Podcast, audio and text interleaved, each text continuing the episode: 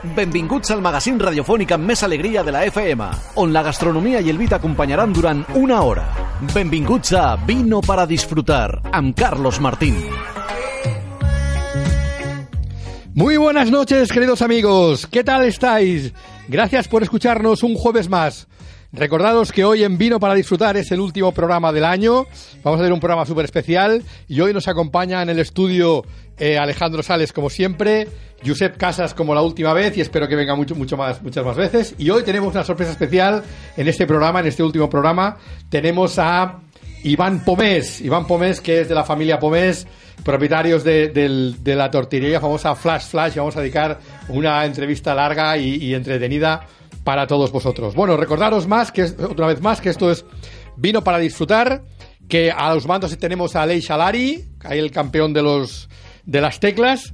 Y recordad bueno, el teléfono si necesitáis llamar para alguna pregunta de vinos, para cualquier consulta o para hacer una pregunta aquí sobre la tortería Flash Flash, el teléfono es el 936670022. Recordad que el programa se ve en- a través de Facebook en directo, Facebook en Cultura FM, i també el podeu sentir directament a la ràdio al dial 101.8 de Barcelona, al programa Vino para Disfrutar.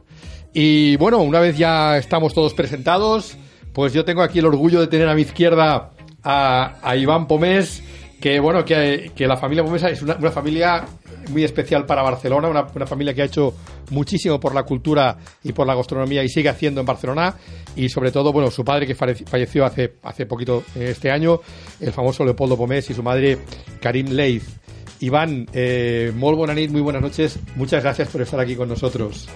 Gracias a vosotros por, por invitarnos. Estamos aquí encantados. Yo, Pues- yo en representación de la familia Pomés y también de la familia Milá, que son los otros socios. Los otros socios, exactamente. Pues ¿quién no ha estado? ¿Quién no ha estado en, en, en la tortillería Flash Flash alguna vez en su vida? Es, es un restaurante, eh, vamos a, va a cumplir 50 años, ¿no? El, el- el año que viene. Sí, cumplimos en junio del año que viene, julio del año que viene, cumplimos 50 años. sí.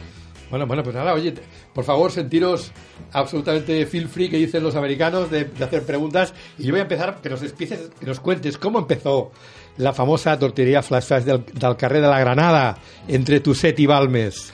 Pues seguramente la mejor manera de empezar un negocio, sin pensar en, en que hemos montado un negocio. Es una historia, la verdad, entre dos parejas de amigos, que era la eh, Alfonso Milá con Cecilia, mi padre Leopoldo con, con mi madre Karin, que, que, bueno, que siempre iba- iban viajando, en los, imaginaos en los años 60, mm, la oferta gastronómica no era muy variada. Y entonces, eh, en ese, digamos que mi padre, mi madre y sus amigos viajaban mucho por Nueva York, por Londres, y tuvieron la idea de, tenemos que montar algo que nos permita estar como en nuestros viajes, ¿no? Y entonces allí empezó la idea de montar un restaurante diferente. Un restaurante, mm, digamos, en el que básicamente yo creo que se resume en el restaurante sin problemas. Querían montar un restaurante en el que te tra- tratasen muy bien, pero sobre todo no tuviese un problema, no tuvieses que pensar a qué hora tenías que ir a comer. O sea, que pudieras comer, por eso el restaurante abre 12 horas, de una a una de la mañana. Permítame que te interrumpa. A ver, una pregunta. ¿Es un restaurante o una tortillería? A ver, Pone tortillería, Pone pero, tortillería. pero- pero yo creo que es un restaurante. Básicamente es un restaurante. no sé qué os parece a vosotros, pero a mí lo que siempre me ha gustado de Flash Flash es que no parece que vayas a un restaurante. Vas a un sitio que entras y comes, o sea, no tienes la sensación de, de, en- o sea, de sentarte en una mesa, de plan formal. O sea, tiene esa, esa, esa frescura, lo que dices tú, lo que comentabas, ¿no? Que puedes entrar a cualquier hora del día. Tampoco, tampoco, perdona, se acaba. No, Dime, no, eh, digamos, hay una cosa que ahora me pone muy nervioso, que es el tema de los turnos. O sea, ahora, ahora tú llamas a un restaurante, te dicen, eh, coges el turno de las 8 o coges el turno de las 10, ¿no? Ya la- parece que a las 10 ya te, te echan. Esto en el Flash es, es impensable. O sea, en el Flash no hay ni turnos, o sea, no, no puedes reservar. Pero sabes que te van a dar de comer. Vayas el día que vayas, vas a comer. Igual te tienes que esperar un cuarto de hora en la barra. Tiene una ba- barra muy agradable, pero en realidad no hay problema. O sea, es- hay una rotación muy rápida. Es un, caben unas 100 personas y enseguida se va rotando. Además es que yo creo que lo que comentamos antes con, con Josep, ¿no? Era, era, fue una época cuando se inauguró que era Barcelona estaba en plena ebullición. Barcelona era, era algo diferente al resto de España, totalmente diferente. Había una, una, eh, una cultura y una, una gente joven, una, una gauche divine, ¿no? Había una, había, El flash, el flash era una fiesta. Te aseguro que era una fiesta. Se encontraban todos allí. Estaba Gabriel García Márquez, estaba Oscar Tusquets, Ricardo Bofill, Buigas, toda, toda la gente de la cultura más pons, eh, fotógrafos, gente de, digamos, de agencias de, de publicidad, modelos. O sea, era un espectáculo. Además fue una época que para mí lo comparaba con Carnaby Street en, en Londres, que, había, que había una serie de locales musicales, de bares de copas. Estaba Coba de Dea con música viva. Estaba Iranzo, muy joven en aquellos tiempos, un peluquero innovador. ¿eh? Y, y en realidad era, era un sitio único en España. No había ninguna ciudad que tuviera una pequeña dimensión como, como la calle Tuset, con, con un alma tan viva, con un No, incluso humo me, verde incluso me llevaban gente. a mí en cochecito, o sea, que era, era una maravilla. No, y la gente muy joven de mi época, yo, yo, era- yo debía tener 18, 19 años, de aquella época, era como un poco la carilla del pecado, ¿no? La que, o sea, veías chicas con minifalda, o sea, en, o sea, era, o sea, era, una- era un sitio, un sitio realmente atractivo al Bueno, 100%. No, y aparte uno de los de los secretos fue eh, que te, te lo comenté el otro día, que es el tema de las ensaladas, que era el primer sitio que te podías tomar una ensalada digna, con lo cual se llenó de modelos. No, y aparte es que en aquella época estaban los grandes restaurantes, porque en la esquina estaba Bueno, el Reno. Reno en aquella época. Estaba el Reno allí en la esquina de Tuset con Travesera, ¿no? Sí. Y estaban los. Y- claro, era- no había un término medio, era o ibas ahí un plan muy formal o, o no tenías lo que comentabas hace un momento. Pero hay una cosa que a mí me, me asombra del, del, del flashback y me admira, ¿no? Es decir, porque yo siempre digo que, que el, el tiempo es el juez más duro que hay para todo, ¿no? Para una película que te emocionó mucho cuando eras joven y la vuelves a ver ahora y dices, dices caray, no, no ha aguantado el paso del tiempo, ¿no? O cosas por el estilo. Pero el Flash Flash, que la decoración del Flash Flash siga, siga siendo exactamente la misma y no pase de moda, no, no quede ni carrinclón ni nada. Es decir, es que ha pasado todos los años y no, o sea, siempre ha estado ahí, lo cual significa que era, estaba perfectamente hecha, ¿no?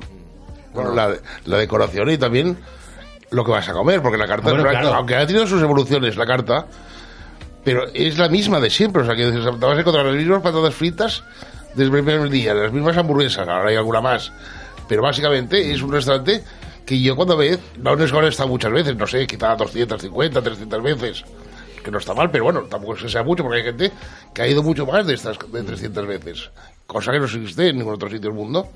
Yo ya no miro la carta, sé lo que hay. Como mucho miro los platos del día y el otro día, pues, precisamente, martes me quedé un momento a cenar, me encontré con los amigos, me senté en su mesa, cosa que no te pasa en cualquier otro restaurante del mundo, ¿no? Y, una cosa muy importante, que ahora qu- quiero comentarlo contigo, Iván, y es que eh, es para todos los públicos. Sí. A ver, es- esto, esto yo creo que es una de las, de las grandes virtudes del Flash, porque eh, cada vez pasa más. Esto pasa, yo creo que antiguamente, en los años 70, era más fácil encontrarse mezcla de gente. Igual la gente de cultura, la gente, digamos, relacionada con el mundo cultural, quizás eran menos y se concentraban en un mismo sitio. Y te podías encontrar, pues, a Dalí con Oscar Tusquets, por ejemplo, ¿no? Que era una mezcla explosiva. Dalí ya muy mayor le hacía gracia pues el personaje de Oscar Tusquets, que era como muy eh, potente en ese momento, bueno, lo sigue siendo potente, pero que digamos que en ese momento pues era bastante gamberro, entonces la, la- la mezcla era, era, era, muy divertida. Hoy en día estas mezclas casi no, no ocurren y en el Flash nos, encontramos gente de 80 años eh, que a veces vienen con sus nietos o con sus amigos, pero luego te encuentras un grupo de, de, de chicos de 17 años, es decir, es- esto es una maravilla encontrarse la mezcla de públicos. Totalmente, me parece increíble. Increíble que todo el mundo que se siente a gusto, una- un chaval nuevo, un chaval joven de 17, 18 años o 20, y, y- y los chavales pequeños, ¿no? y, y- y- y están allí con sus abuelos, y, y todo el mundo eh, no desentona. Es una cosa curiosísima. ¿eh? Yo he ido con mi hijo cuando era pequeño y ahora mi hijo lleva a sus hijos a cenar al... Sí, pero también puede, Como- sal- sí, también puede salir de marcha, digamos, hay gente Pero que, no lo consideran como ir. Vamos al flash, o sea, es un poco. No es el concepto de ir a un restaurante que sabes que tienes que hacer, eh, hacer una reserva previa. No, el flash es un sitio que sabes, lo que has dicho tú antes, que siempre vas a comer. Y dices, ¿por dónde vamos? Pues no, vamos al flash. Y lo que yo creo que es más difícil, o sea, nosotros la, la comida no tenemos una gran pretensión. Lo que intentamos es que la gente coma bien. Sí, sin más. Hombre, sí. No, no, pero oye, es muy bueno, pero, No, pero, es que- pero no, va- vamos. Sí, no, no vamos no, de otra cosa. Es- no. Es más, cuesta mucho, los cocineros nuevos que vienen, cuesta mucho educarles en ese sentido. Sí. Porque yo entiendo, ellos tienen ganas de hacer sus creaciones, pero entonces se equivocan de restaurante. Pero nosotros no queremos eso, o sea, lo que sí que hacemos es actualizar. O sea, se ha de hacer como con el rediseño de un periódico. O sea, la vanguardia cuando la van rediseñando casi no nos damos cuenta. No hay, no hay unos cambios bruscos. Pues con el Flash pasa lo mismo, está en constante cambio. pero sin- la gente no se da cuenta. O sea, estamos actualizando la carta aunque no lo parezca, sobre todo en los platos del día. En los clásicos hemos ido sacando platos que no acaban de funcionar. Pero lo que es más importante es calidad, que siempre la calidad sea la Sí, misma. mira, y siempre ha sido exactamente igual, porque sabes que recuerdas el mismo sabor de hace años, desde la tarta de queso famosa. ¿Cuántos años tendrá la tarta de queso? Pues desde desde, desde, principio. que se inauguró. Vamos, yo la recuerdo desde, desde pequeño. Eh, no, no sé si es exactamente, pero yo, yo creo que sí que es desde Y, que y se aparte ha tenido una cosa siempre el Flash, que el, el- el personal que ha tenido el, el restaurante ha sido un, per- un- o sea, un personal de una educación exquisita. Es decir, ha sabido siempre estar eh, en su sitio. Es decir, eh, ayudándote cuando iban niños, porque a veces los niños, pues a ver, los niños... A Y se veces- portan bien los niños el Flash. bueno, bueno, hay se de todo, pero bueno. Mejor que sí, sí. muchos restaurantes. Exacto. Pero es muy verdad, importante. Yo lo he sí. notado que vas a otros restaurantes y están los, los niños ahí variando la perdiz y en el Flash, pobrecitos, no sé por qué, qué les pasa. Bueno, la patata frita, la, la hamburguesa que les gusta y como tienen una comida que a ellos también les gusta, Claro. se encuentran cómodos. Bueno, y luego aparte es, es- con esto que has comentado antes, que te puedes sentar en otra mesa, el- esa- ese desorden que generan un poco los niños a veces, Sí, en sí. el flash no canta. Claro, es verdad. porque, es verdad. porque estás como... Es, es, es fácil, o sea, en realidad es fácil. La- se sienten a gusto porque no se sienten que molestan. No. Entonces no, no, es- es- ese ambiente, yo, yo creo que el ambiente funciona muy bien. Y, y lo que has comentado del, del, de, de la gente, del servicio, que es Para que- mí fundamental. que es que yo creo que una de las, de las claves del Flash es que ellos están orgullosos de trabajar en el Flash. O sea, no, no es, no es solo su trabajo, o sea, están realmente encantados. De- de- evidentemente hay problemas como en cualquier lado. Estamos, se gestiona muchísimas, hay, hay mucho personal. Pensad que si se abre de una a una y todos los días del año menos uno, que es el día de Navidad, mm, pues imagínate la de turnos. que- queridos, queridos oyentes. O sea, el Flash Flash, 364 días al año. Es decir, que podéis ir a celebrar el fin de año si queréis al Flash Flash o tomar una copa y es de una a una, ¿no? O sea, de una del mediodía a una de la O sea, madrugada. la- si tú entras por la puerta a las 0.58, te dan de comer. Cosa que en muy pocos sitios pues sucede porque muchas veces te, te invitan a que amablemente No, te que vayas. es, porque es más, de alguna manera, eh, el- el- los mis, la gente que trabaja allí ya sabe que la filosofía es esta. Es decir, que si además si viene un cliente, yo- yo- cualquier cliente en realidad, mm, algo le darán siempre. O sea, es que es, es como la orden de la casa. Se trata de, de- cuidar a la gente, si no, ¿para qué montas un restaurante? Oye, Iván, y una información que yo creo que puede ser de mucho interés para la gente que no ha tenido la fortuna de estar en tu casa, ese precio medio, la horquilla más o menos, que puede costar una comida, una A cena. ver, eh, puedes comer mm, por muchos precios, porque hoy en día también es muy difícil decir esto. Hay gente que, que a veces come pues una tortilla, pica algo más y depende mucho de más postre o no, pero tenemos un ticket medio bajo. O sea, estamos hablando de 20, 21 euros, es el ticket medio. Ahora bien, tú si comes dos platos, te tomas un vino, te irás a los 40 euros. Eso, eso es así. o sea, No, no, es que, es que en cualquier restaurante de Barcelona, si tomas una botella de vino y, y- y comes algo bien, Sí, es que- es que 40 hoy, o sea, por cabeza está ahí. Ah, El flash lo que tiene, o sea, por ejemplo, nosotros tenemos el, el pescado en el flash vale dinero. O sea, no, no, no, no se puede decir que sea caro, pero vale dinero. O sea, sube mucho la, el, el- porque es pescado fresco, no, no es de piscifactoría y todo esto. Entonces, prácticamente comértelo en el flash o en un restaurante más de lujo es prácticamente lo mismo, porque la pieza es la misma. Entonces, si tú pides pescado, te saldrá un ticket, me- un ticket alto. Pero lo que sí que sé es el ticket medio. El ticket medio pues es, es bajito porque la gente comparte algo, se toma una tortilla. Es un, es un restaurante que da, se da, da mu- mucho juego a esto, ¿no? A, a poder... No, desde este punto informal Mm. da que, que también te lleve a ir mucho más, porque es que, es que sabes que es- No, no cansa. No cansa, Exacto. no es un tema, es, es atemporal. Yo creo que es la palabra sí, del sí, flash en todos los sentidos, tanto en Totalmente. comida como en decoración, como en servicio, es atemporal. Sí, sí. Debería ser el ejemplo de muchos sitios. Y curiosamente solo hay uno, flash. Hay, hay gente que tengo que decir, de repente cuando te llega el pastel de, el pastel de queso, hay gente que cuando no lo ha comido nunca pone una cara de cierta decepción, Eh, sí. porque es, es realmente es muy austero, o sea, te viene un plato blanco Sí. Con un Pastel casi blanco. con un triángulo blanco allí que además se mueve un poco como un flan, ¿no? Entonces, claro, no, no está decorado ni con nata ni con aquellas rayitas que le ponen de, colo- de colo- de colorines de grosella encima que se lo cargaría. Pero bueno, de esto, esto lo tenemos que hablar, lo, lo, hablamos mucho, porque cada día las presentaciones son más potentes en los restaurantes y la gente le gusta hacer las fotos y poner los platos en Instagram. Sí, los platos los nuestros, los de algún- algunos, algunos son para llorar de austeros que son, ¿sabes? No, no, pero es que es tremendo porque hoy en día en el flash los platos son blancos y punto y pelota. no. Eh, Los que son y redondos. Los sitios son cuadrados, después hay los de cristal, con unas cosas rarísimas, como cacerolas puestas al revés, como tiestos. Hay unos, unos tiestos, unos tiestos hoy en día que se han puesto de moda. Puto tiesto, ¿eh? que Con- sirve para... Con pastel de oreo, que Sí. entonces parece tierra. Parece entonces el para presentar un plato, un, pas, un tiesto. No, Mira, ahora, lo que nosotros sí que, digamos, nos, hemos esforzado es en todos los, platos más clásicos seguimos con la presentación que teníamos y lo que ahora en estos momentos hemos dado un salto que yo, que yo creo que también, digamos, cumplimos un poco más el tema de un poco de colorido y todo esto, que es con el tema de las ensaladas, porque los vegetales dan mucho juego. color, ya, ya, por si tienen color tampoco tienes que hacer... No, no, bueno, pero se, se- Sí, se eso- combinan bien, se ponen bien, se, digamos, se, se alinean muy bien con aliños diferentes y esto, digamos, ahora estamos Aunque yo sea, sigue siendo en clásico la jamón y queso con salsa rosa. Sí, básicamente por la salsa rosa, ¿eh? Porque la Buenísima, salsa rosa ¿eh? es No, y la tarta que hacéis vosotros también, yo me pido muchas veces un- la hamburguesa, la flash, muy, muy cruda, muy, muy cruda, exageradamente cruda, con salsa tártara. Y entonces casi me estoy tomando un, ta- un tartar.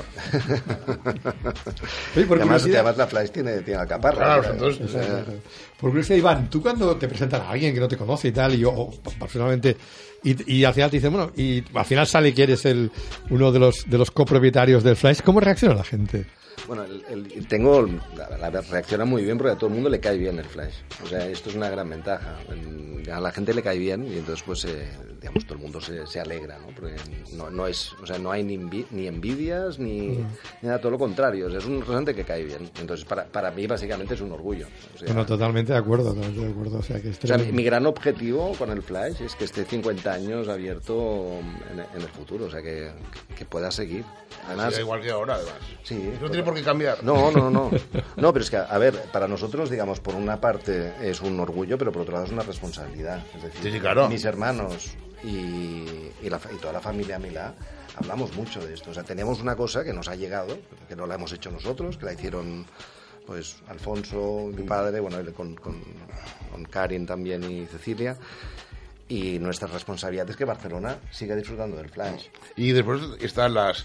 Una cosa que es. O sea, todo el mundo lo conoce por, como tortillería, y quizá los más adictos a este restaurante, sí que pedimos de vez en cuando alguna tortilla. Yo pido la panadera de vez en cuando, que es una tortilla que me parece bastante especial. Pero las hamburguesas son únicas. Y a mí me lo decía hace muchos años, fíjate, Alfonso Milá, que para descanse, me explicaba que él, él se había comido la mejor hamburguesa en Nueva York en PG Clark's. Bueno, ahora hablaremos de una anécdota importante aquí de, de, Pero, de Iván. pero, pero lo que sí que es interesante lo que dice, por ejemplo, para que os hagáis una idea, más o menos, al- en el flash se, se, se hace unas 100 tortillas al día, ¿vale? O sea, al año son unas 40.000. De hamburguesas se hacen unas 25.000 al año. O sea, es, digamos que tampoco está Sí. tan, tan lejos. Y tortillas hay 50 y hamburguesas hay 4. Cuatro. Ahora, ahora cuatro, hasta, pero hasta hace muy poco hubo tres solo. Sí, eh, quiero decir que, que al final hay 50 platos que generan 40.000 unidades y cuatro platos que generan las 25.000. ¿no? Y entonces, bueno, dices, pues no, está tan claro que sea una tortillería. Por el número de tortillas, sí. Antiguamente habían incluso más ¿eh? tortillas, se redujo un poco la cantidad precisamente para... Porque empezó como tortillería, o sea, la carta de tortillas era más larga y el resto de cosas era, era menor. Y ahora se han, se han ido como... O sea, de, de la, de la carta un tercio lo ocupan las tortillas. Y luego hay dos tercios que no son Y ocupados. aparte, eh, para mí el Flash tiene una cosa muy cómoda, que es que tiene un parking enfrente total. O sea, no tiene aparcacoches. ¿eh? Bueno, Alejandro. creo que no tiene ninguna falta, ¿eh? Exacto. Porque, claro, el Pero es que parking tienes el no- parking que parece del, parece del, del restaurante. O sea, una cosa tremenda. O sea, es perfecto. Es que es perfecto. Oye, Iván, yo me imagino la originalidad y la singularidad de tu local que debe salir en bastantes guías turísticas. Entonces, en eh, ¿vienen muchos turistas? ¿Es un restaurante No, turístico no, también? Lo, no lo hemos promocionado en ese sentido.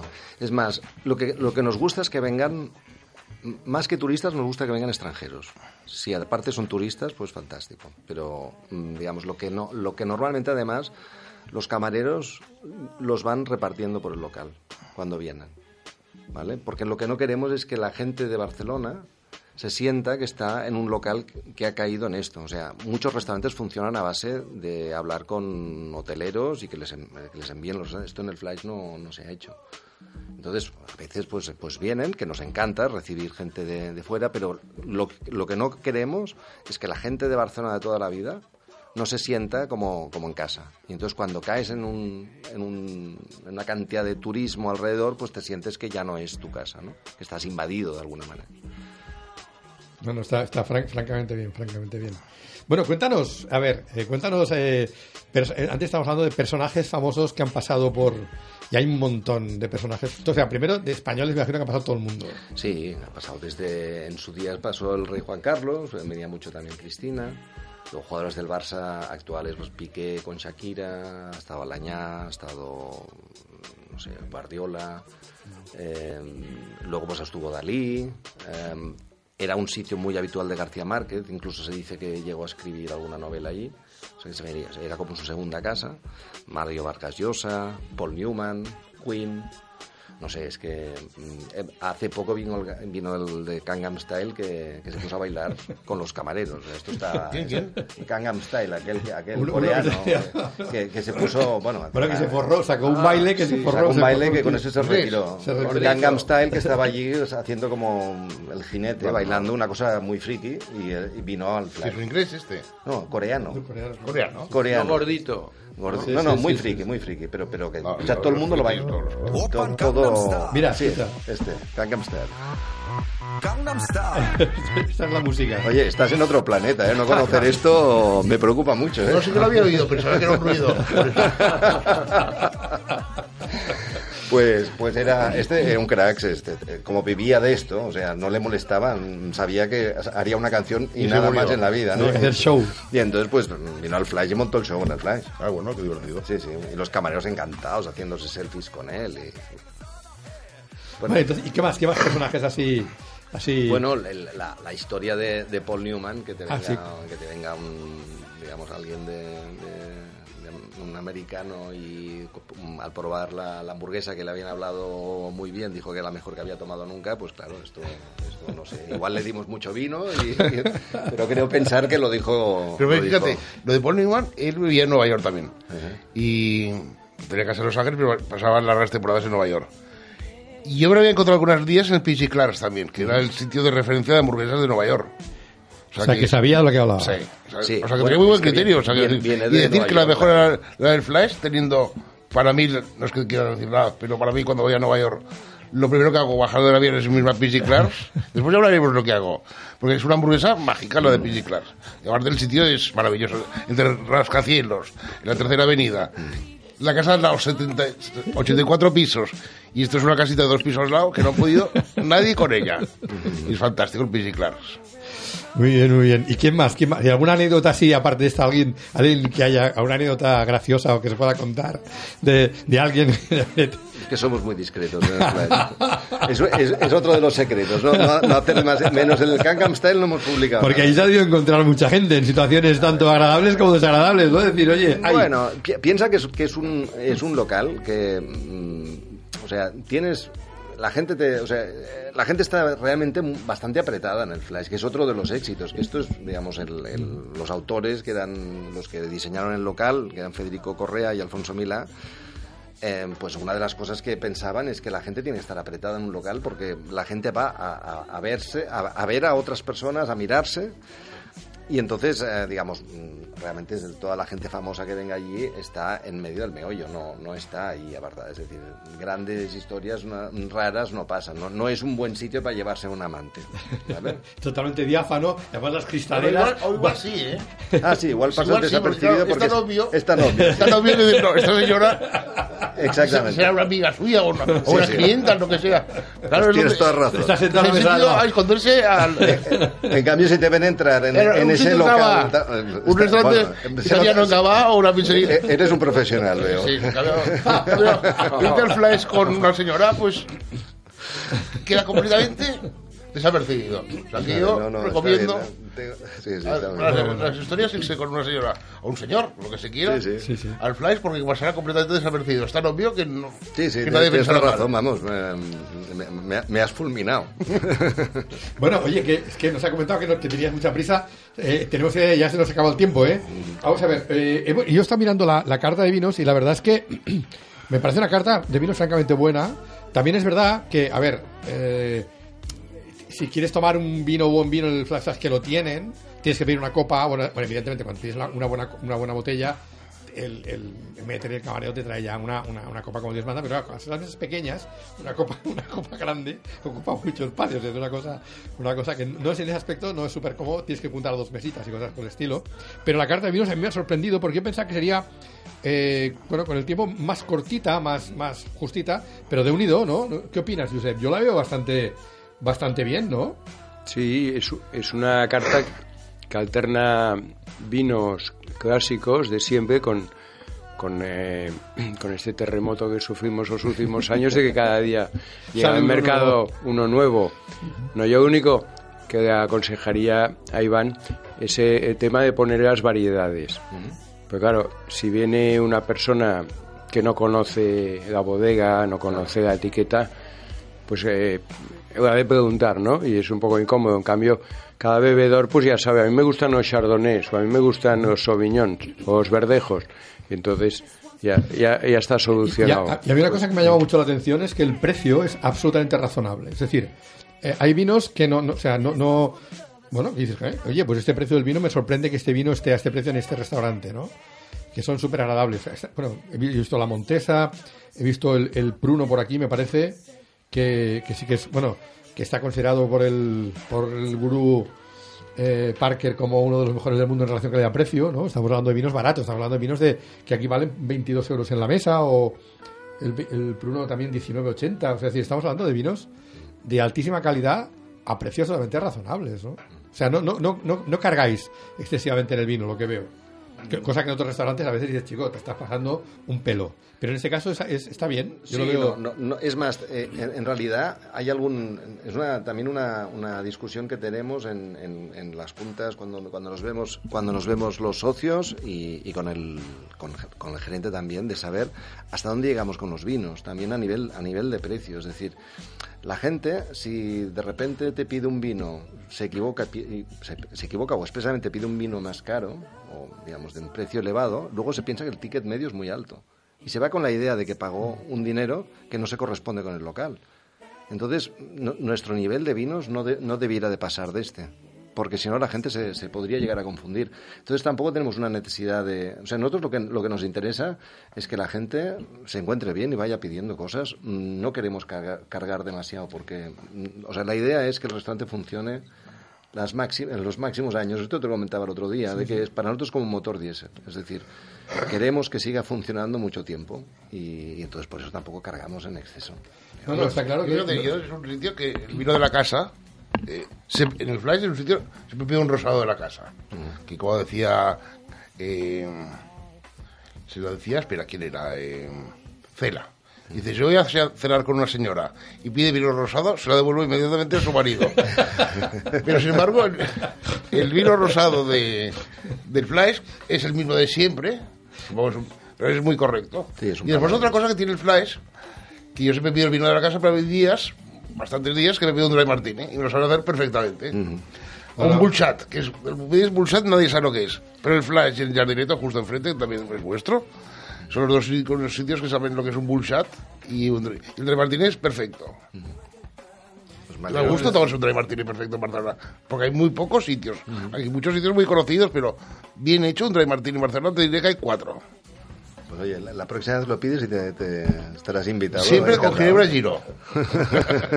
Oye, cuéntanos este cóctel que has dicho ¿El que Bullshot? no- Sí, que es exactamente. Pues mira, el Bullshot es un, es un cóctel muy americano, que supongo que vendría de cuando la influencia de cuando estudió la familia Pobes y Mila en, en Nueva York, viendo cosas. Es un cóctel que se hace con, con el Lockstage Soup, o sea, la, la sopa de rabo de buey, y con vodka. Y después eh, tiene una, una serie de, de- Se adereza un poco como un Bloody Mary también, con una serie de especias, y también se mueve con, una, con mucho hielo. y se mueve con una, pajita- con una ramita de, de apio. Dicen que para las resacas es soberbio. El muchate es un pelotazo importante, pero yo a veces te sienta como bien, ¿no? Es sí. Sí, es un re- o sea, bueno, por ejemplo, estos días tan tremendos que vienen ahora, que puede ser que puedes aburrir, acabar aburridísimo, pues sí, hombre, el día de, de San Esteban, ¿no? El día irte a tomar un bullshot al flash creo que es una buena idea. Muy bien. Bueno, Iván, eh, yo por mí estaría aquí todo el resto de la hora, pero me has dicho que tenías un poquito de prisa, que tenías un, un tema personal importante. Y oye, solamente decirte que, que estás invitado siempre que quieras a venir. Voy a la cena de, de- de Leopoldo, Leopoldo Pomés, hijo mío. ¿Eh? O sea, Perfecto. Oye, ah, ¿la fiesta del 50 aniversario cuándo será? Pues seguramente en septiembre del año que viene. O sea, será un fiestón. ¿El parking fiesta. también o no? Intentaremos que sea en el parking. Estamos en La de negociaciones. 25 fue maravillosa. En La del 25 fue maravillosa, que fue el- de los primeros trabajos que hice. Pues fue una fiesta, recuerdo. ¿Dónde toda la fue? calle- ¿Dónde fue? No, no, en el parque enfrente, se cerró el parking, se, encerró- se puso una moqueta en toda la calle, roja, y, el parking se convirtió en una sala de, bueno, por los amigos del Flash de toda la vida. Hicimos el, digamos, hicimos el negativo del flash. Entonces forramos las paredes de, de negro, del, con papel negro, y pusimos fotocopias blancas de la figura. Entonces hicimos como el negativo del flash. ¿vale? Entonces vinieron, pero como dos o tres mil una, personas, una una locura, barbaridad. ¿eh? Una locura. Y cerramos toda la calle, pusimos guirnaldas con las figuritas del flash y fue muy bonito, fue muy bonito. Yo recuerdo las fiestas, Vino la orquesta Platería a tocar allí. yo recuerdo las fiestas importantes que han habido en Barcelona, fue los 25 años del Flash. Pues prepárate para los del 50. El 50 será Sí, algo está- encima estaré más viejo, con lo cual sabré más. Me lo pasaré mejor. A ver si podemos conseguir hacer el cóctel este que... Muchas. no sé si para tantos lo No, pero conseguiremos. Iván, oye, Oye. de verdad, un verdadero placer haberte tenido aquí y de haberte conocido.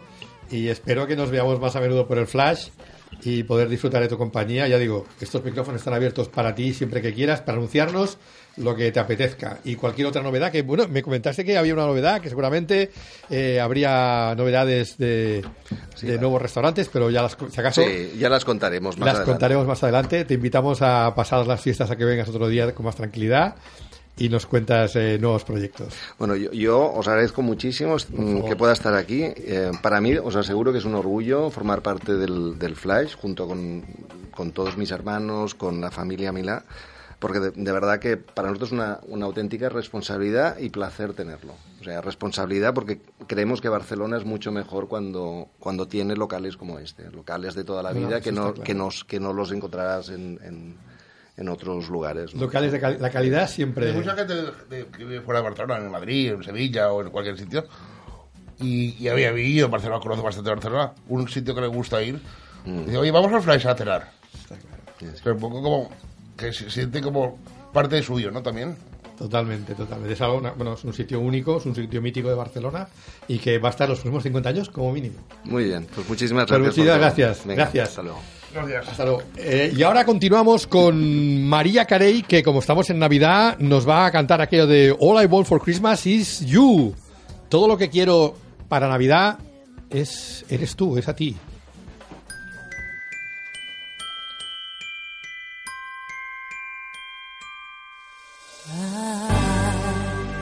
Don't want a lot for Christmas.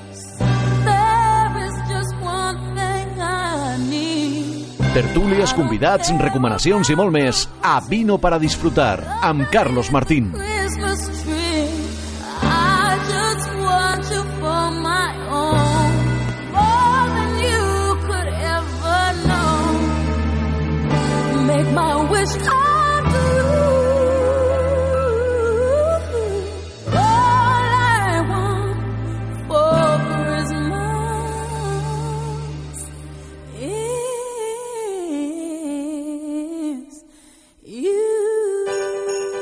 Vino para disfrutar. Assaboreix el moment. Don't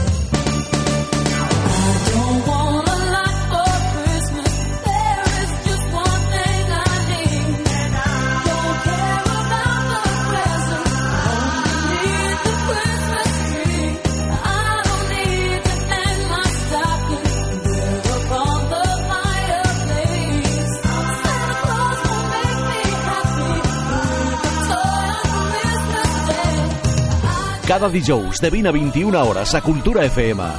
Vino para disfrutar amb Carlos Martín.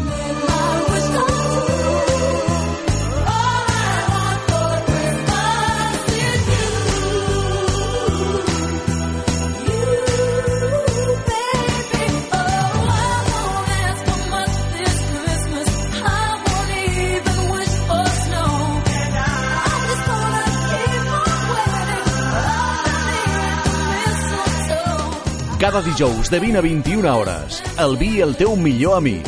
Vino para disfrutar, amb Carlos Martín.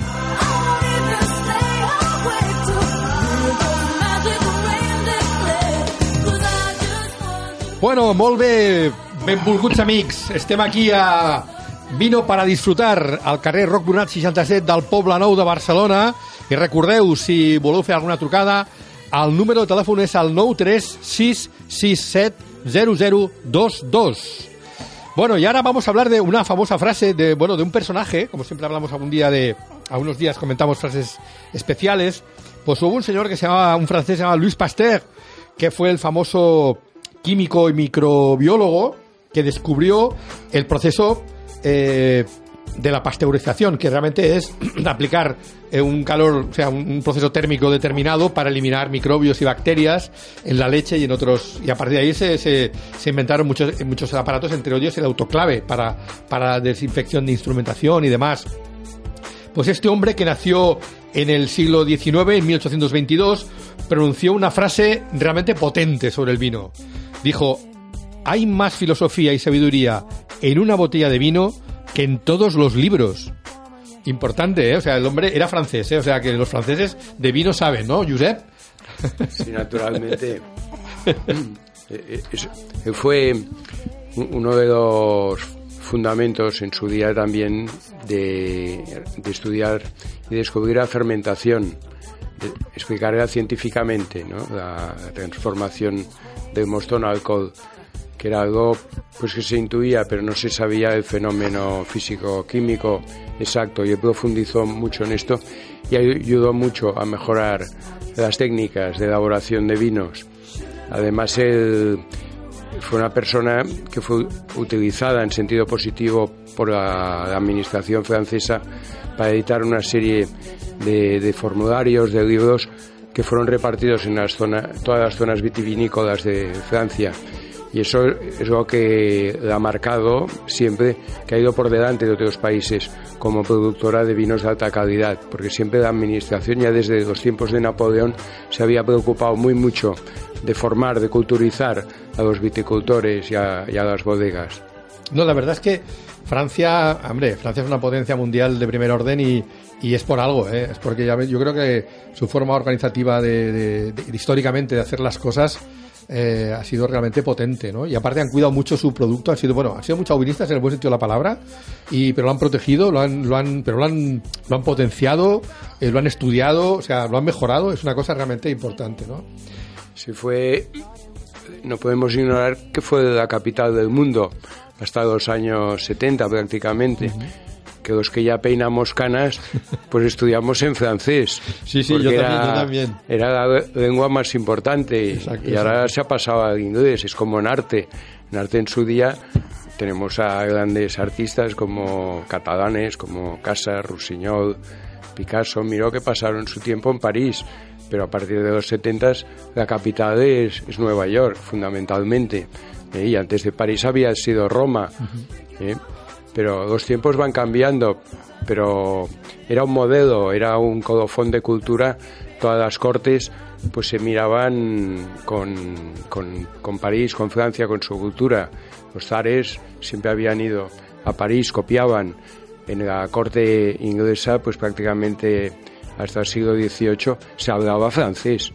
La realeza inglesa estuvieron porque el, sajón, el lenguaje del pueblo, era vasto para ellos, era falto de, de barniz, de elegancia, y, y lo copiaban todo hasta la, hasta la lengua. Está Y- claro, está claro. En ese aspecto, chapó, chapó. siempre franceses. tenido gran- gran devoción de todos sus productos, no tan solo los vinícolas, sino también todos los productos gastronómicos y este punto de la grandeur de la Francia que, que ellos se sienten tan orgullosos, ojalá el resto de del mundo tuviésemos No, no, está claro. este punto de, de sentirse orgulloso de sus quesos, de sus vinos, de sus decoraciones florales, de su arte, de me parece que es un- una nación exquisita en este sentido. De, Yo totalmente de acuerdo, de acuerdo. y el hecho del vino, que es cualquier francés tiene un, un interés en el vino. O sea, no es una cosa de aquí para tomarse una copa y nada más, sino el francés, por la clase muy humilde que sea, siempre habrá un día al año que habrá pensado en tomarse una gran botella de vino o celebrar una, una comida como, como el foco, dicen ellos. Y aparte es como decía Josep, es que han sido los maestros y todo el mundo ha ido a aprender allí. O sea, el tema del vino, todo el mundo ha querido siempre sacar un vino que fuera tan bueno como el vino francés. Era la, era la referencia, ¿no? Históricamente. De... No, y, y otro activo que tienen es la gastronomía. Y si, por ejemplo, cuando vas a los mejores restaurantes de Francia, o a los históricos, a las vacas sagradas, como puede ser Michel Guerard, o bueno, Bocuse murió hace poco, pero Pierre Gagner, etcétera, te, te cuen- les hablas de qué clientela tienen y te dicen, bueno, tenemos gente muy humilde también, que están ahorrando todo el año para venir una vez al año a, degustar un menú de degustación a nuestra casa, porque hay una devo- devoción para la alta cocina. Y esto quizá está empezando a ocurrir ahora en España con los grandes restaurantes que tenemos, que los estudiantes de hostelería, o la gente joven que quiere montar un restaurante, pues también ahorra para ir a un Selle de Can Roca o para ir a, a un Arzac pero es una cultura que en Francia hace 100 años que la tienen y aquí está empezando ahora, que naturalmente es, muy positivo. El, querer las cosas, eso ayuda a, superarse a cada quien porque es cultura, es algo inmanente y da positivismo a la persona. Está claro. Bueno, yo tenía previsto, no sé qué os parece. A ver, nos acercamos a unas fechas ya de- definitivas. O la semana que viene ya es Navidad. Y entonces hay pues esta gente que celebra la cena de la, la, cena de, Nochebuena. Hay gente que, sobre todo la gente que viene de la parte de Castilla. Después la gente que son molt catalans eh, celebran el, la eh, de Nadal, el dinar de Nadal y después San Esteve, ¿no? Entonces, eh, hablemos un poquillo, ayudemos un poquito a la gente a, a- ver qué, qué vinos podemos poner ahí. Claro, depende, evidentemente, lógicamente, de la- del tipo de comida, ¿no? Pero normalmente, pues lo que comentábamos antes, ¿no? Si vas a cenar, los de Madrid son, como no tienen mar, son muy de marisco. Entonces la gente que, que intenta, intenta, exacto, pueden poner pescado y marisco, langostinos, ostras, algo de ostras y demás, ¿no? A ver, ¿qué tenemos por ahí, Josep, de vinos? Yo, él va a hablar de vinos especiales, realmente con mil fo, vinos de, de altísimo nivel, y yo voy a hablar de cosas más mundanas, de vinos un poquillo más baratos. Pero venga, adelante, ¿qué has pensado? Bien, yo, yo he hecho un menú ideal eh, para Nochebuena. Sí. eh, con unos vinos de cierta relevancia, pero que creo que es un menú que en muchas casas es real, se hace. en una- si hiciéramos una estadística, una encuesta, muchas casas seguramente coincidirían con este menú aproximadamente. Por ejemplo, de aperitivo podían ser un ibérico, de un jamón ibérico de los pedroches, de la serranía de Córdoba, con unas almendritas saladas, unas croquetas de Roquefort. Entonces yo con esto recomendaría uno de los grandes vinos del mundo, y con, con un valor histórico, que es una manzanilla en rama, ¿eh? la guita de Sanlúcar de Barrameda, es un, es un fino, como mucha gente ya sabe, pero que se llama manzanilla porque Sanlúcar está junto al Atlántico y tiene la influencia de, de la, de la, de la La marina, brisa de las brisas, tiene notas yodadas, tiene ciertas notas de salinidad. En rama, en rama quiere decir que no lo han filtrado, es natural, han embotellado de la bota directamente, no lo han filtrado, no lo han clarificado. Y esta la botella tres octavos vale 9 euros. O sea, esto es fantástico. darnos cuenta. Bueno, eso, eso es una de las. Siempre que hablaba yo con franceses, les decía, pues nosotros tenemos uno de los mejores vinos del mundo. Y me miraban así, eso hace años. Les decía el Jerez y el Mosca. lo- Los acabas de. Ellos pensaban en vinos blancos tintos o champán y el Jerez es algo especial. Perdona que te interrumpa. Sigue, sigue. No, después, de primer plato podía ser eh, un marisco. ¿eh? Sí. A compartir, centollo, ostras, vieiras, navajas, etcétera. ¿Y tú para el marisco qué, qué Yo con esto recomendaría la, la región más, o la comunidad autónoma más marisquera por excelencia de España, que es Galicia. Yo he pensado en un vino de una bodega ejemplar, Pazo de Señorans, Sí, sí, sí. eh, la selección de añada, que es la gama alta, un 2010, que está en, en Rías Baixas, es un albariño, 100%. Por cierto, esta bodega la inició la primera presidenta y presidente de, de la denominación de origen cuando se inauguró, que es Marisol Bueno, que es una persona, una enóloga carismática de Galicia. Y otra cosa que quería decir, pues la gente lo ignora, es que Rías Baixas tiene varias subzonas. Es como Sí, sí. si hablamos de Burdeos, que tiene San Emilión y Pomerol, pues Pazo hay eh, Rías Baixas también. Tiene Salnes, que es la zona de Cambados, tiene el Rosal, que está junto al Miño, pero más cerca del mar de Vigo, y más al interior, junto al río, está el condado de Tea. Y después ya en el interior, pero todo próximo, todo unido, está Ribeira de Ulla y Soutomayor. Eh, para que lo sepan, hay etiquetas, hay bodegas hoy en día que los pesan y hay etiquetas que no. Pero algún día, porque se tiende, ya sabéis que en todas las zonas se tiende a especificar pueblos y viñas, etcétera.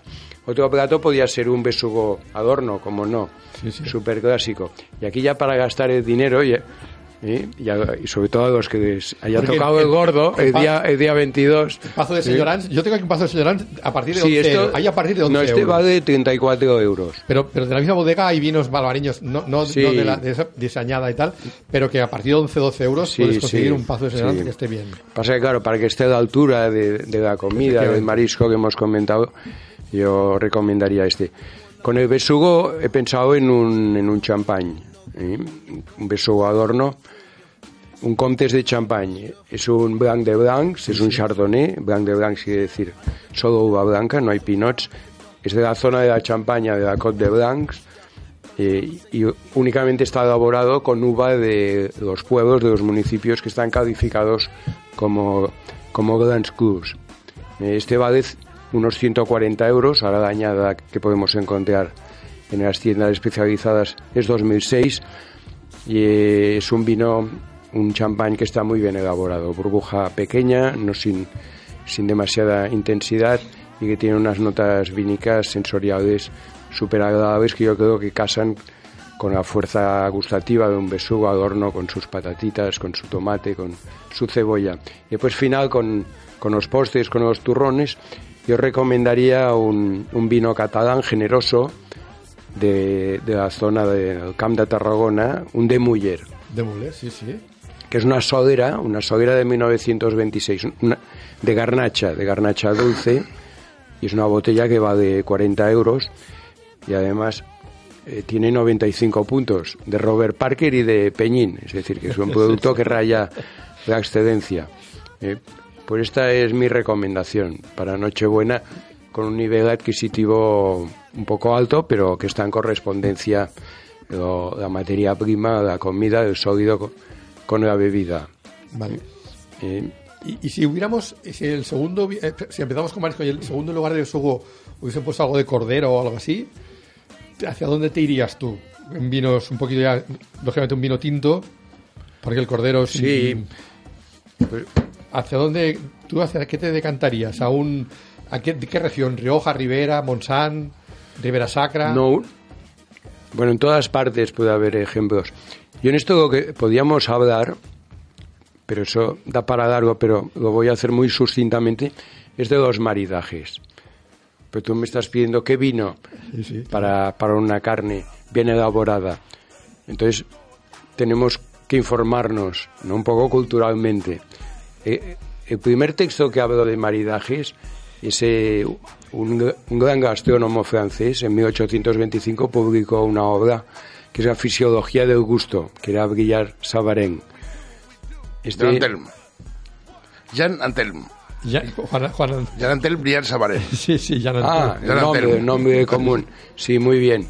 Entonces, él es el que fi- era médico, pero además era gourmet. Y escribió este libro, escribió normas de educación, habló de materia prima, quesos, vinos, pero es el hombre que fijó dos canones, con vino blanco, pescado, o al revés, con pescado, vino blanco, con carne, vino tinto. ¿eh? Con los dulces, pues vinos dulces. Esto es lo más clásico. Lo más moderno, pues tenemos un sumiller de Quebec, de Canadá, que se llama, se llama François Chartier, que publicó, que fue, quedó en su día, hace 15 años así, mejor sommelier del mundo. Cada, día hay un, cada año hay un concurso internacional. Y, este hombre estudió las moléculas. Y entonces bus- busca, tiene un libro publicado muy detallado, la molécula principal en, en todo alimento, en toda bebida, hay muchas moléculas, pero busca la mayoritaria. Entonces mira que coincida la molécula mayoritaria de un sólido, de un alimento, con un vino. Por ejemplo, yo tengo apuntado aquí unas notas que en pescados ahumados pues coinciden las moléculas con el Gerbustea miner, que es una cepa de Rin, de Alsacia, una cepa blanca, muy perfumada, muy floral. Habita salamenta, pues va bien con el Sauvignon Blanc. El Sauvignon Blanc lo tenemos, lo tenemos en el sur de Burdeos, lo tenemos en Loire, lo tenemos en Rueda, en, nuestro también. país. Sí. Y después, por ejemplo, una paella en- con azafrán, muy típico de Valencia, por las moléculas del azafrán, liga con el vino rosado. ¿eh? Ya con cualquier barnea, vino rosado puede ser de garnacha, puede ser de, de merlot. Y, de, y después, ot- otra tercera posibilidad es la intensidad. De, que el, tema in- intensidad puede ser de, de dulce, puede de aromas, de especiados, de acidez, de salado. Pero siempre el vino ha de estar ligera o igual o por encima de la potencia aromática, de las notas especiadas, de la acidez. ¿sí? Y, y finalmente es la libertad total, Claro.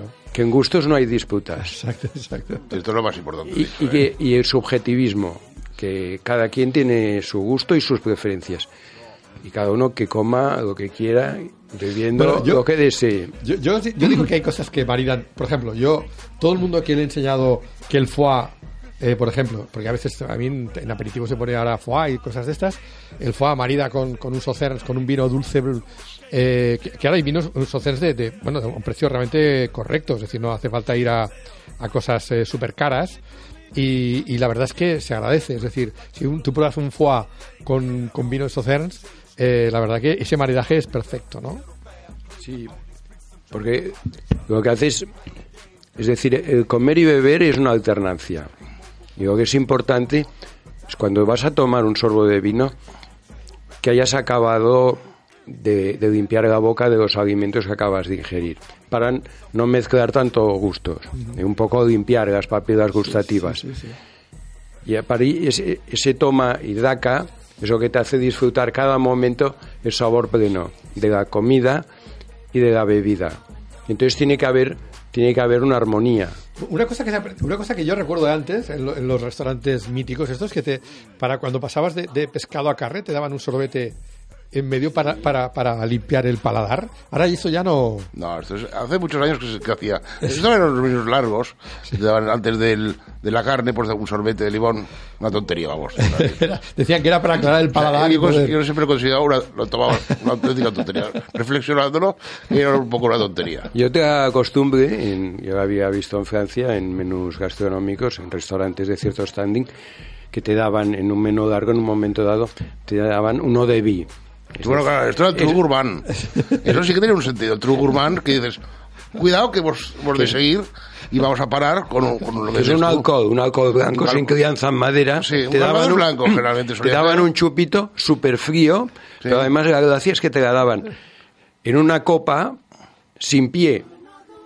Es decir, que solo había, diríamos, el capullo, la parte superior. el cáliz, el cáliz. Sí, Sí, que con- se tumba. Con lo cual te lo tenías que tomar de golpe, lo tenías que acabar. Era el- lo, lo que llamaban ellos el true gourmand. El otro día había una- hay, una- hay- venden copas de vino que no tienen pie, que las, las dejas así de lado, son copas muy grandes, las dejas, las depositas, las, las, las depositas en la mesa de lado, tumbadas, y bueno, es una, es una curiosidad, es una curiosidad. Bueno, maestro, y eh, Sales, y si tomamos ostras, ¿tú qué? to- ¿Champán para las ostras? Yo creo que la ostra, el champán le va muy bien. Lo que nunca diría es que es maridaje, porque las cosas, maridaje es una palabra nueva inventada y yo considero que es, no existe, no, es más, la, Real- la RAE, nuestra querida RAE, no la recoge como una combinación entre comida y bebida, afortunadamente, solo para personas que se van a casar. O sea, es el único sitio que la palabra maridaje existe. Entonces a mí prefiero otras palabras como armonía, combinación o tomarte un buen vino, sin más. Y de hecho tampoco soy muy partidario de estas, estos restaurantes que te dan a probar 14 vinos. No, yo- porque sales con un pedal de narices y... Entonces si tienes que elegir uno solo, pues quizá un buen champán sí que te puede servir desde un aperitivo, un entrante, un, plato principal y un postre. Quizás sería un vino conductor. Aunque habría una cosa que sí que lo quitaría, que sería el caviar. El caviar no lo, marida- no lo maridaría, si tenemos que usar este lenguaje, con champán. Porque el caviar tiene un sabor que solo va bien con dos cosas. Con agua y con vodka. Nada más. Entonces, si alguien se abre una latita de caviar, que se lo tome con vodka helado o con agua. Pero no que no se lo tome con, con otra bebida porque es desprestigiar al, al digno caviar. Si es caviar malo, que se lo tome con quien quiera, con, con Fanta o con Tiraranjus. Pero si es un caviar auténtico, unos buenos letra mu- mucho mejor de iraní que no ruso, porque el, ira- el iraní es, el fresco, el, ruso es, está conservado en sal. Entonces, yo consejo siempre el caviar iraní antes que el ruso. Bueno, pues queridos amigos, no sé si tenéis alguna cosa más que añadir, porque se nos va el tiempo, que vuela, vuela de aquella manera, vamos. Y nada, eh, queridos oyentes, deciros que muchísimas gracias por estar aquí escuchándonos cada jueves. Es un placer teneros ahí al otro lado del, de- de la- del, del ordenador o de la radio, de lo que sea. Y nada, desearos un- unas felices fiestas y que el año que viene sea Y nos de lo mejor. el año que viene a decir que hemos cenado Exacto. estos días y, Y- y- y comentarlo, y comentarlo. cuáles han sido nuestros ágapes, que hay que hacerlos pocos estos días, Exacto. estos días. Y sobre todo, una cosa importantísima. La ingesta de canalones hay que evitarla brutalmente. Porque están hechos con sobras del día de, del día de Navidad. Yo creo que el día de San Esteban se puso de moda para comerse las sobras del día de Navidad. Si no, no sería festivo. Puede ser. Pues el otro día, el otro día Los probé. no se hacen con sobras, ¿eh? Nos hacen con las sobras del cocido, ¿eh? El otro Nunca. día, en un restaurante que tú me recomendaste, que vino aquí, el, el Haddock, tomé unos canalones y estaban francamente buenos. No, si los canales sí, si, si los canales no tengo nada en contra de los canales, pero son muy peligrosos durante los días posteriores a Navidades, que incluso se puede alargar hasta varias semanas, que sean hechos con la, la ropa, ay, la, la ropa, con la- las carnes del cocido. Que el canalón jamás se hará con carne de cocido, se hará con carne rustida, aparte. Muy bien.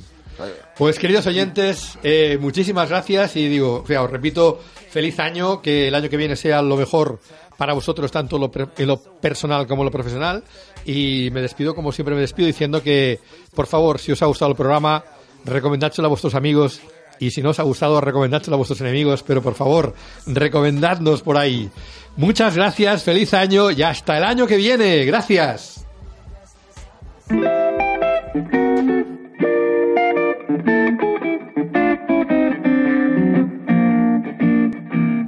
You better watch out. You better not cry. You better not pout. I'm telling you why. Coming to town. Oh yeah. He's making a list and checking it twice. Gonna find out who's naughty or nice. Santa Claus is coming to town. He sees when you are sleeping.